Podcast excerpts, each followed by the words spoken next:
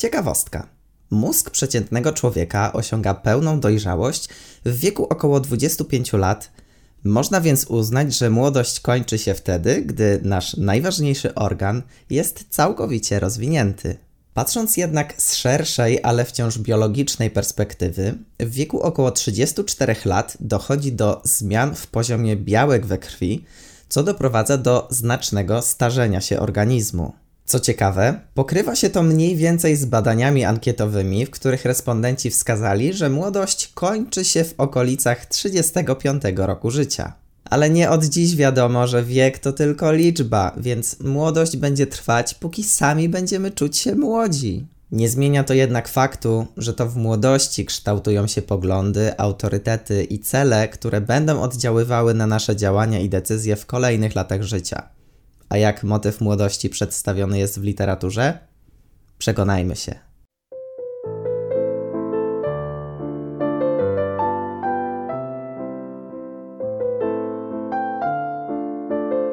Bez serc, bez ducha, do szkieletów ludy, młodości dodaj mi skrzydła, niech nad martwym wzlecę światem w rajską dziedzinę ułudy. Tak zaczyna się Oda do młodości, która wyjaśnia różnicę pomiędzy boomerami i zoomerami. Mickiewicz w podniosły i patetyczny sposób ukazuje kontrast pomiędzy światem starych i młodych. W Odzie do młodości mamy obraz ludzi ze starego pokolenia, którzy są bezczynni, ospali, samolubni i generalnie myślą już raczej o kwaterze na cmentarzu niż o jakimkolwiek działaniu. A nawet więcej, bo już za życia są zombiakami niezdolnymi do jakichkolwiek emocji czy uniesień. Na szczęście jednak ten dosłownie skostniały świat odchodzi do lamusa, a w jego miejsce cały na biało wchodzi świat młodych. Młodość to ruch, siła i energia do działania, która jest napędzana nie fizycznością, tylko duchem, który wznosi się ponad zepsuty świat.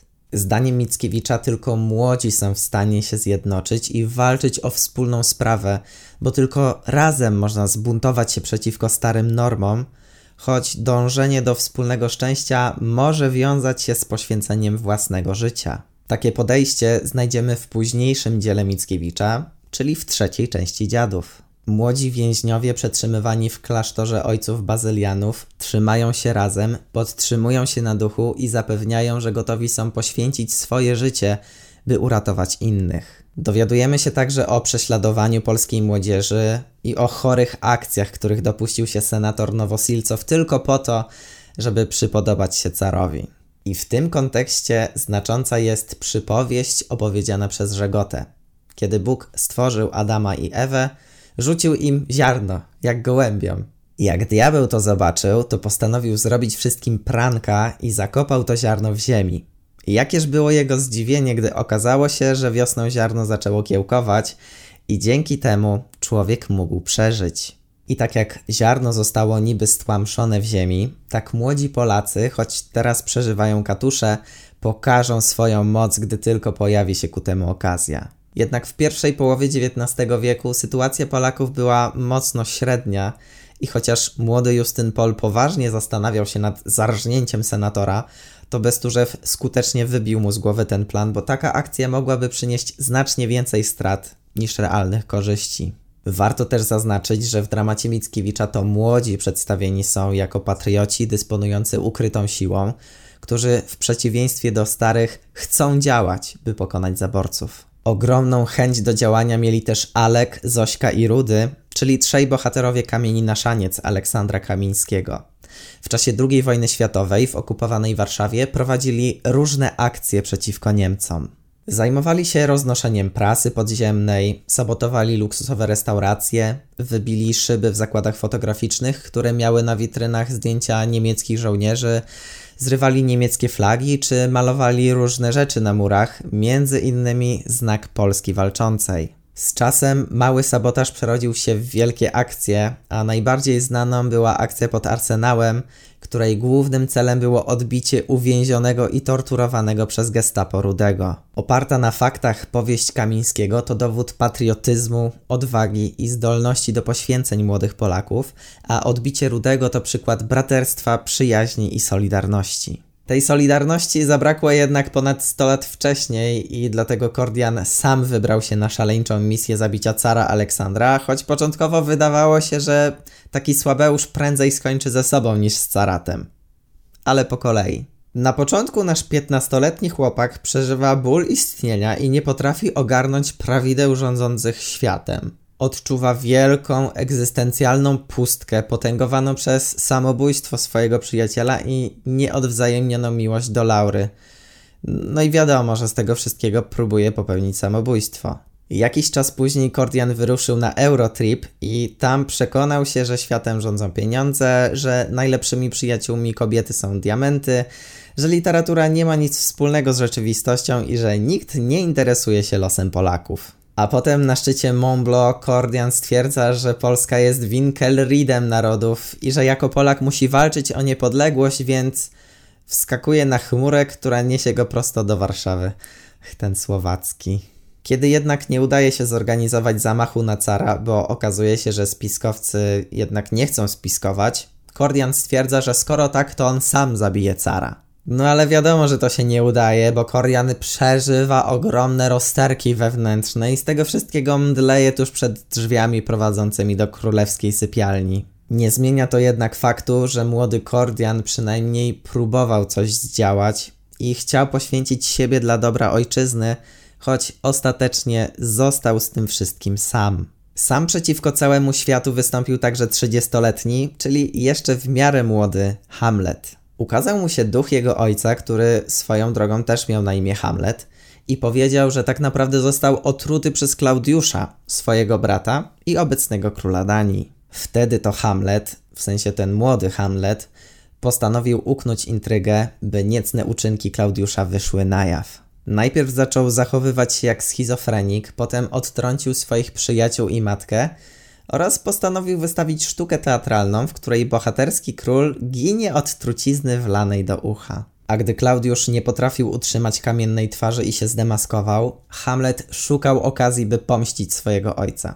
I pojawiła się ku temu okazja na samym końcu dramatu, gdy podczas pojedynku giną praktycznie wszyscy ważniejsi bohaterowie. Warto jednak pamiętać, że pomszczenie ojca było dla Hamleta celem nadrzędnym, choć wiązało się to z wielką samotnością, odrzuceniem i ostatecznie śmiercią.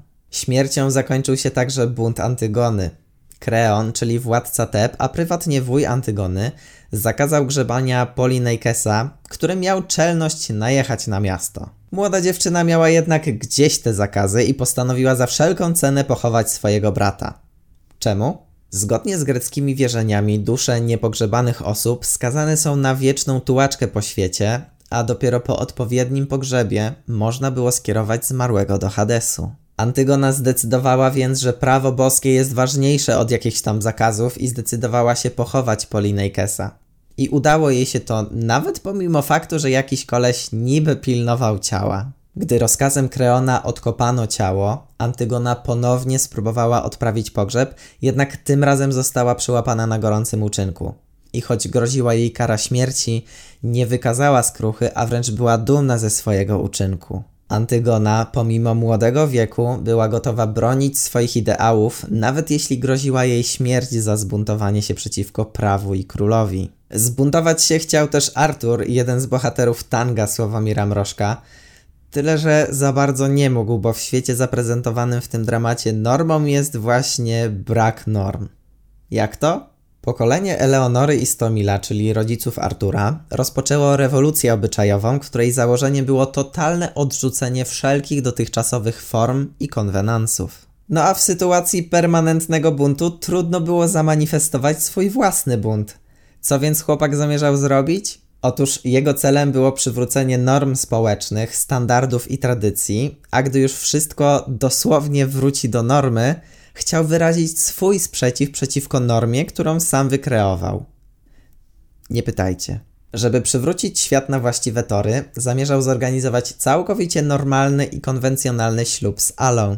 Do orzenku jednak nie dochodzi, gdyż Artura zabija Edek, czyli typ, który nie wiadomo kim jest, nie wiadomo co robi i nie wiadomo dlaczego ma tak wiele do powiedzenia. O ile małżeństwo w Tangu miało przywrócić stary porządek świata, o tyle małżeństwo w Panu Tadeuszu zapowiadało schyłek starego pokolenia szlacheckiego, choć zdaniem dojrzałych szlachciców to wcale nie jest dobra zmiana, no bo kiedyś to były czasy, a teraz to nie ma czasów. Znamienna jest scena wieczerzy w ruinach zamku, gdy sędzia Soplica rozgadywał się na temat staropolskiej grzeczności i jak to kiedyś każdy młody chłopak wiedział, jak należy się zachować. No a ta dzisiejsza młodzież, co z tego, że uczy się gdzieś na zagranicznych uniwersytetach, skoro nie nauczono ich dobrych manier? Gdy jednak Tadeusz oświadczył się naszej uroczej czternastolatce, od razu zaczęli wspólnie wprowadzać zmiany, na przykład uwłaszczając chłopów.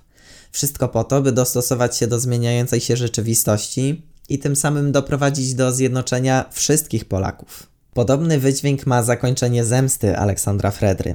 Kompletnie niespodziewane i trzeba przyznać trochę wymuszone małżeństwo Klary i Wacława doprowadziło do zgody pomiędzy Cześnikiem i Rejentem. Co jednak nie było takie łatwe, bo młodzi musieli się nieźle nagimnastykować i sporo naobiecywać, by załagodzić konflikt. Ostatecznie udaje się pogodzić ze sobą zwaśnione rody, bo jedynie razem można cokolwiek zdziałać. Zupełnie inaczej potoczyła się jednak historia Romea i Julii, którzy także nie mogli być razem przez gigantyczny spór pomiędzy ich rodzinami. Młodzi poznali się na balu u Kapuletów i chociaż każde z nich miało na oku kogoś innego, to gdy się zapoznali, zakochali się w sobie od pierwszego wejrzenia, a niedługo potem potajemnie wzięli ślub. Później jednak nasz dzielny Romeo jest świadkiem ulicznej bójki, w której ginie jego przyjaciel Mercutio, więc zdenerwowany chłopak w akcie zemsty zabija w pojedynku Tybalta. No i przypał, bo Tybalt był najbliższym kuzynem jego świeżo upieczonej żony.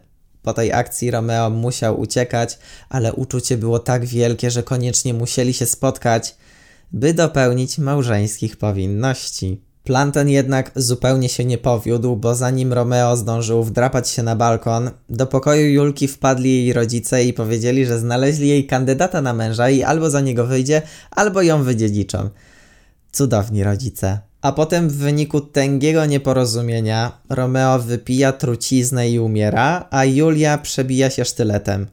I dopiero widok ich martwych ciał doprowadził do zgody pomiędzy Capuletami i Montekimi. Historia Romea i Julii to dobitny przykład na to, że w młodości wszystkie emocje są wyolbrzymione do tego stopnia, że jak żyć bez drugiej osoby, to już lepiej nie żyć. Trudno jest zapanować nad emocjami i rozsądnie myśleć, a dużo łatwiej popełnia się głupoty. Głupotę zrobił też Gustaw z czwartej części Dziadów, bo z szaleńczej i niespełnionej miłości popełnił samobójstwo. Chłopak zjawił się na plebanii i mówił, że naczytał się książek, które poważnie wykrzywiły jego wyobrażenie o kobietach, bo oczekiwał miłości idealnej. I faktycznie znalazł sobie dziewczynę, która całkiem dobrze wpisywała się w jego standardy i czuł się z nią bardzo szczęśliwy, jednak w końcu go porzuciła, a potem wyszła za mąż za bogatego faceta z wyższych sfer. Traf chciał, że Gustaw wrócił z dalekiej podróży akurat na wesele ukochanej. Najpierw chciał wbić do pałacu, żeby zepsuć weselny klimat, potem zemdlał, a gdy się ocknął, najpierw długo beczał, a potem popełnił samobójstwo. Gustaw, jako młody i nie w pełni ukształtowany chłopak, nie potrafił pogodzić się z tym, że zostawiła go dziewczyna i w akcie desperacji postanowił odebrać sobie życie. I być może ta historia potoczyłaby się zupełnie inaczej, gdyby za młodu nie przeczytał nowej Heloizy Rousseau i cierpienia młodego Wertera Goethego. A skoro już jesteśmy przy Werterze, to kolejny przykład, że młodość i emocje to mieszanka iście zabójcza. O tym, że Werter jest osobą wysoko wrażliwą, dowiadujemy się już od początku, gdy zachwyca się okolicą, przyrodą i odnajduje spokój wśród mieszkańców małego miasteczka. Potem na lokalnym balu poznaje Lottę i z miejsca się w niej zakochuje, i to pomimo tego, że dziewczyna ma już narzeczonego to jednak nie jest dla niego żaden problem, no bo przecież Albert jest gdzieś w delegacji, ale to jest dla niego taka dobra, taka wyrozumiała i na pewno odwzajemnia jego uczucia, skoro chce się z nim spotykać. Wszystko jednak zmieniło się, gdy Albert powrócił i choć narzeczony Lotty wydawał się bardzo spoko, to jednak Werter nie mógł tego znieść i postanowił wyjechać. Wtedy też dowiedział się, że Lotta i Albert zostali małżeństwem, ale to nie wygasiło jego emocji. Po powrocie w rodzinne strony cały czas spotykał ludzi, którzy przypominali mu o Lotcie, a potem trochę za często ją odwiedzał. Któregoś dnia jednak dziewczyna zdała sobie sprawę, że właściwie to Werter jest jej naprawdę bardzo bliski i tylko on ją rozumie. Kiedy niespodziewanie chłopak pojawił się w jej domu, poprosiła go o przeczytanie pieśni Osjana, a potem z wielkiego wzruszenia przestali panować nad sobą. Werter ją przytulał, pieścił i całował, i choć początkowo Lotta się nie opierała, to ostatecznie go odtrąciła. A to był dla Wertera znak, że trzeba strzelić samobuja. Ale młodość to nie tylko emocjonalne rozterki miłosne, lecz także moment kształtowania się poglądów, co doskonale widać na przykładzie Cezarego Baryki. Chłopak był jedynakiem z dobrego domu, który obawiał się jedynie własnego ojca. Gdy jednak Seweryn Baryka wyjechał na wojnę, Czarek poczuł się jak pies spuszczony ze smyczy. Gdy przyszła rewolucja, Baryka jak pelikan bezkrytycznie łykał wszystkie hasła rzucane przez bolszewików i to do tego stopnia, że zdecydował się oddać im kosztowności zakopane w ogrodzie. Z czasem jednak, gdy zmarła mu matka, a sam zajmował się grzebaniem zmarłych, dostrzegł brutalność rewolucji i zaczął zmieniać swoje podejście. Potem spotkał swojego ojca i wspólnie postanowili wrócić do Polski, bo tam teraz jest tak cudownie, mieszkają sobie w szklanych domach, dają 500 zł na każde dziecko, paliwo jest tańsze od wody, a inne państwa pożyczają od Polaków pieniądze. Szybko jednak okazało się, że wizja nowoczesnej Polski była tylko mrzonką. Potem Baryka wstąpił do polskiej armii i choć nie czuł się do końca Polakiem, to jednak podążył za tłumem i poszedł do woja razem ze swoimi ziomkami. Po zwolnieniu ze służby wraz ze swoim kumplem Hipolitem trafił do Nawłoci, gdzie był bardzo rozchwytywanym towarem. Zakochały się w nim i Karolina, i Wanda, i Laura. Z tą ostatnią chłopak wdaje się w płomienny romans, choć ostatecznie Laura żeni się z Barwickim. Po powrocie do Warszawy Baryka jest opozycją totalną. Nie zgadza się z Gajowcem, że potrzeba czasu, by wprowadzić wszelkie potrzebne zmiany. Nie zgadza się też z Lulkiem, że najlepiej byłoby rozkręcić rewolucję. I chociaż wciąż jest niezdecydowany, to dołącza do komunistycznej manifestacji, z której jednak potem się odłącza, pokazując tym samym swój indywidualizm. Zmiana w postawie i myśleniu Cezarego Baryki to idealny przykład na to, że młodość to czas kształtowania się poglądów, a właściwie ścierania się różnych poglądów i dopasowywania swojej postawy do aktualnych warunków społecznych. No chyba, że jesteś Ignacym Rzeckim i wychowano cię w uwielbieniu dla Napoleona. Wtedy twoje poglądy kształtują się same i oczywistym jest dla ciebie, że młodość należy poświęcić na walki w wiośnie ludów, co miało przynieść korzyść dla uciemiężonej ojczyzny. Rzecki za młodu gotów był rzucić wszystko i aktywnie działać na Węgrzech, ale gdy osiadł w Warszawie i został subiektem u Wokulskiego, zamknął się w sobie, rzadko wychodził z domu i nie miał zbyt wielu przyjaciół, tylko biernie czekał, aż przybędzie potomek Napoleona. Kryzys wieku średniego dopadł też Stanisława, który tak zabujał się w Izabeli, że poza nią świata nie widział. I szkoda, że tak zaświrował po czterdziestce, bo przecież jako młody chłopak naprawdę miał spore ambicje. Czytał dużo książek, był obiecującym konstruktorem, chciał wymyślić perpetuum mobile – a po powstaniu styczniowym i zesłaniu na Syberię zdobył tytuł naukowy. No ale potem zobaczył Łęcką. Dla niej wyjechał na wojnę rosyjsko-turecką i dorobił się na handlu żywnością, żeby tylko wkupić się w łaski arystokracji.